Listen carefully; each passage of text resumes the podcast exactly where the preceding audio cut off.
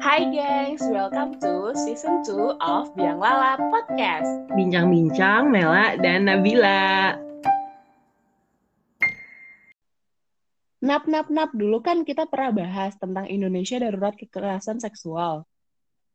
Iya, oke Mel, kita tuh mau bahas tentang pengalaman seksual harassment yang benar-benar udah terjadi dan yang udah masuk ke kita tuh ceritanya.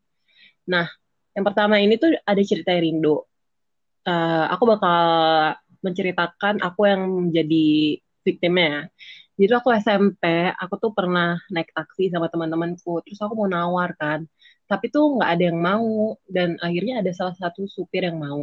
Tapi sambil bilang ke teman supirnya, kayak untung, maaf ya, tetenya gede. Terus aku langsung sadar gitu loh, ya kalau yang dimaksud tuh aku. Di situ aku kan pakai baju olahraga semua sama teman-temanku. Nah, temanku beberapa tuh ada pakai kerudung. Dari kejadian itu, aku tuh selalu ingat hal detailnya dan suka kepikiran. Tapi baru beberapa tahun belakangan ini, baru sadar kalau itu tuh termasuk dalam sexual harassment. Di situ aku masih kecil dan belum ngerti apa-apa gitu loh, dan innocent. Teman-temanku juga nggak sadar dan aku ingat, aku benar-benar ketakutan dan cuman diam pas dalam perjalanan. Itu cerita yang pertama. Nah, cerita kalau kamu cerita kedua nih dari Mawar nih namanya. Jadi aku pernah merasa terlecehkan karena foto-foto yang kurang pantas milikku tersebar luas. Ternyata foto-foto itu diambil tanpa sepengetahuanku oleh seorang oknum yang dulunya merupakan teman dekatku. Dia mengambil fotoku secara diam-diam saat aku menggunakan pakaian yang seadanya, dan dia menyebarkannya ke laki-laki lain. Korbannya pun juga nggak cuma aku, ada beberapa teman lainnya juga. Nah, setelah masalahnya ketahuan, kita langsung menghubungi pelaku dan nanyain, kenapa sih kamu ngelakuin ini? Dan siapa aja yang mendapatkannya dan lain-lain lah. Tentu jawaban dia nggak memuaskan dan bahkan beberapa kurang logis. Kami sebagai korban bingung dong mau melaporkan masalah ini ke mana, karena bukti-buktinya pun udah banyak yang dihapus. Kami pengen nyelidikin lebih lanjut untuk mencari barang bukti, tapi sebagian dari kami tidak siap untuk melihat foto-fotonya dan juga resiko orang-orang yang sebelumnya nggak tahu malah jadi tahu dan takutnya malah makin menyebar luas. Ingin kami berikan sanksi sosial, tapi kembali lagi orang-orang yang tadinya tidak tahu malah jadi tahu. Dan kami takut malah jadi konsumsi banyak orang karena ini ternyata udah di-share juga di sosial media dan ini mem membuat kita trauma. Yang aku cerita ini lagi pun sebenarnya ini seperti membuka trauma yang masa lalu udah aku kubur dalam-dalam aku juga jadi takut untuk bersosialisasi dan aku takut kalau suatu saat nanti aku ketemu seseorang dan ternyata orang itu udah pernah lihat foto-foto tersebut hilang deh harga diriku. Lucunya lagi pas dikasih tahu itu aku cuma bisa ketawa karena rasanya kayak sinetron gak pernah nyangka bakal terjadi hal kayak gini. Karena aku pun orang yang cukup konservatif dan gak pernah foto-foto yang kurang senonoh ternyata walaupun aku udah berusaha menjaga diriku, temanku sendiri dengan enaknya melukai harga diriku sebagai wanita. Untuk sekarang, kasus ini masih kita coba urus ke pihak berwajib dan aku cuma bisa berdoa semoga hal ini nggak menghambat karir dan kehidupanku. Dan semoga nggak ada korban yang lebih jauh. Semoga juga pelaku sadar diri atas kesalahannya dan nggak mengulang hal serupa. Serem. Mm -mm, serem banget ya, Nap. Ini bener-bener kayak ya seksual harassment di kenyataan gitu ini benar-benar terjadi sama orang gitu dan uh, sebenarnya ini ada pesan dari Mawar jadi hati-hati sama semua orang karena mau cewek mau cowok tuh nggak menentukan siapa yang jadi korban atau siapa yang jadi pelaku. Untuk yang lain yang pernah mengalami hal serupa, semangat ya, kamu udah berusaha dengan baik untuk menjaga dirimu. Tapi beberapa orang mungkin emang kurang bisa menghargai orang lain, dan itu bukan salahmu. Iya, yeah, bener banget. Kalau menurutku cerita Mawar tuh masuk ke dalam sexual harassment banget sih yang pernah kita bahas di putaran 5. Nah, karena ada perkembangan internet, teknologi, jadi masuknya ke ranah cybercrime. Mm-hmm. Tapi yang dilakukan Mawar itu udah sesuai apa ya tata cara yang ada karena dia mengambil jalan hukum kan karena kan udah ada UU ITE, UU tentang pornografi dan setauku sanksi pidana yang paling singkat tuh enam bulan, paling lama enam tahun. Mm-hmm contoh kasusnya yang aku pernah baca di berita itu tuh 2016 jadi ada pacar mantan pacar deh dia nge-share foto ceweknya tanpa berbusana mm -hmm. tanpa konsen juga mm. akhirnya dia tuh dipidana bulan dan dipidana denda sejumlah 2 juta Jadi apa yang dilakukan Mawar menurut aku tuh udah sesuai ranah hukum yang ada, yaitu dengan melaporkan. Dan aku doain semoga hasilnya sesuai dengan ekspektasinya Mawar.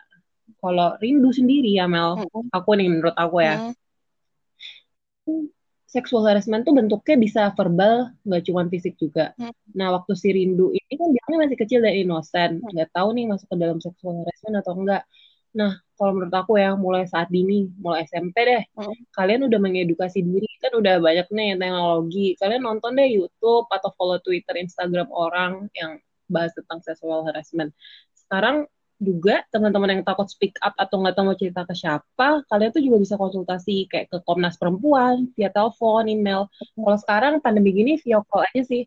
Terus juga ada aplikasi namanya Help Renak yang diluncurkan oleh Polda Metro Jaya sama Gubernur DKI Jakarta. Hmm. Jadi ini platform pengaduan, ada banyak fiturnya kayak yang paling amazing tuh ada panic buttonnya. Jadi kalau kamu lagi di suasana mengecam, mengecam ya, nanti polisi itu terdekat akan memberikan pengamanan. Dan aku harap ini aplikasi itu bisa di apa ya implementasikan ke seluruh Indonesia walaupun sekarang masih di Jakarta. Jadi moral value-nya menurut aku nih dari dua cerita ini apa ya sexual harassment tuh bisa terjadi di mana aja, victimnya bisa siapa aja dan bisa kapan aja terjadi. Even umur kamu balita pun juga bisa karena sexual harassment. Jadi intinya kita harus aware aja sih. Uh, Oke, okay. menurut Tela gimana? Nah kalau menurutku nih serem banget sih Nap kalau umur balita sampai kena seksual harassment, padahal umur-umur segitu tuh otak manusia lagi encer-encernya nyerap informasi gitu. Dan kalau beneran terjadi waktu kita kecil, itu bakalan ngebentuk namanya tuh ada inner child atau kayak sosok kecil di dalam diri kita sehingga itu berpengaruh ke kepribadian kita di kemudian hari. Nah, yang rindu ini nih aku nggak tahu ya dia mengalaminya di umur berapa, tapi dia bilang waktu dia masih sangat-sangat kecil dan innocent gitu. Jadi kayak aku takutnya rindu ini juga bakalan ke depannya mempengaruhi kepribadiannya karena bahayanya itu tadi kalau kita mengalami sebuah trauma di masa kecil, kita bisa berpengaruh ke kepribadian kita.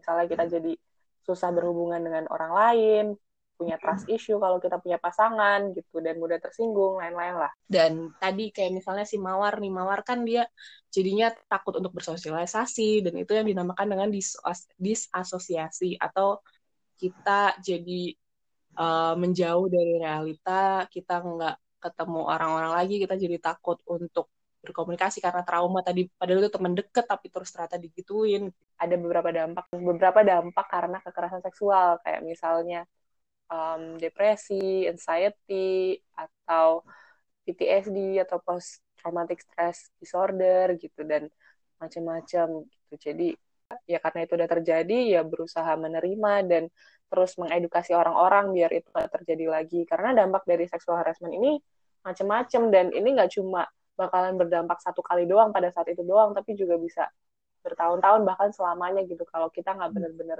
selesai sama diri kita. Setuju nggak sih Nap kayak times tuh sebenarnya nggak heals everything gitu. Setuju setuju. Iya, dalam jadi apa pun tuh setuju nah, uh, jadi maupun kita udah berlanjut waktunya udah lima tahun ke depan, 10 tahun ke depan, bahkan itu tadi ceritanya Rindu tuh waktu dia SMP ya, kalau nggak salah ya.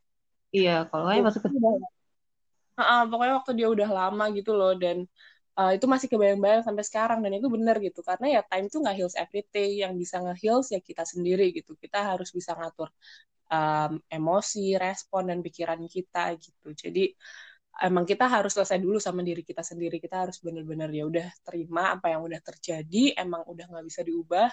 Kita nggak bisa kontrol orang lain bakalan kayak gimana tapi kita bisa kontrol diri kita akan merespon seperti apa gitu. Uh, ada juga namanya metode ini nap. Namanya uh, nafas tarik nafas.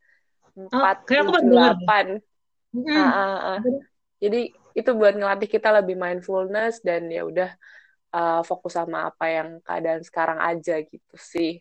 Jadi ini juga buat pelajaran sih bagi pelaku gitu ya, jangan sampai kalian tuh ngelakuin ini lagi gitu loh, karena ya yeah.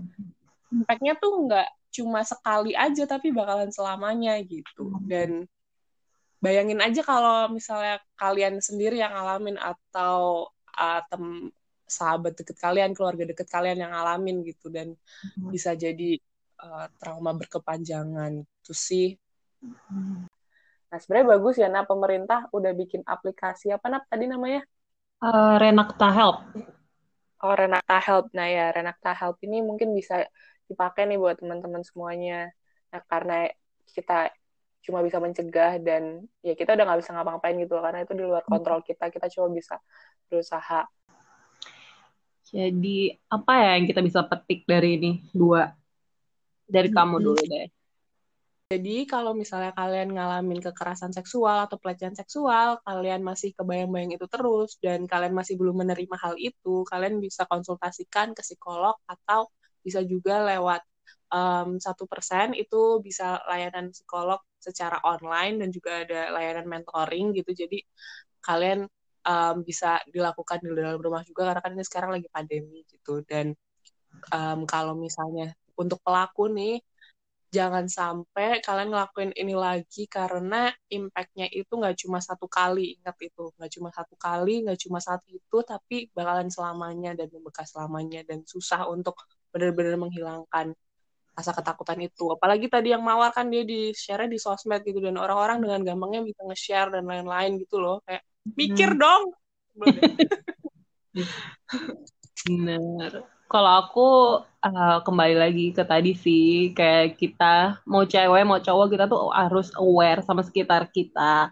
Mau nggak mau kita tuh harus mengedukasi diri kita karena tahu sendiri kan di Indonesia nggak ada tuh masalah edukasi kayak ginian. Jadi ya udah kita self education aja deh. Kita memupuk apa ya otak kita udah kita belajarin dari dulu. Jadi kayak biar kita tuh tahu. Jadi pas gede kita oh ini namanya sexual harassment kita harus ngapain? Ya tadi yang Mela bilang uh, kita bawa ke ranah sini kita bisa bawa ke ranah sini kita konsul. Karena ya tadi karena dampaknya ke psikologis atau mental health kita tuh bakal parah banget.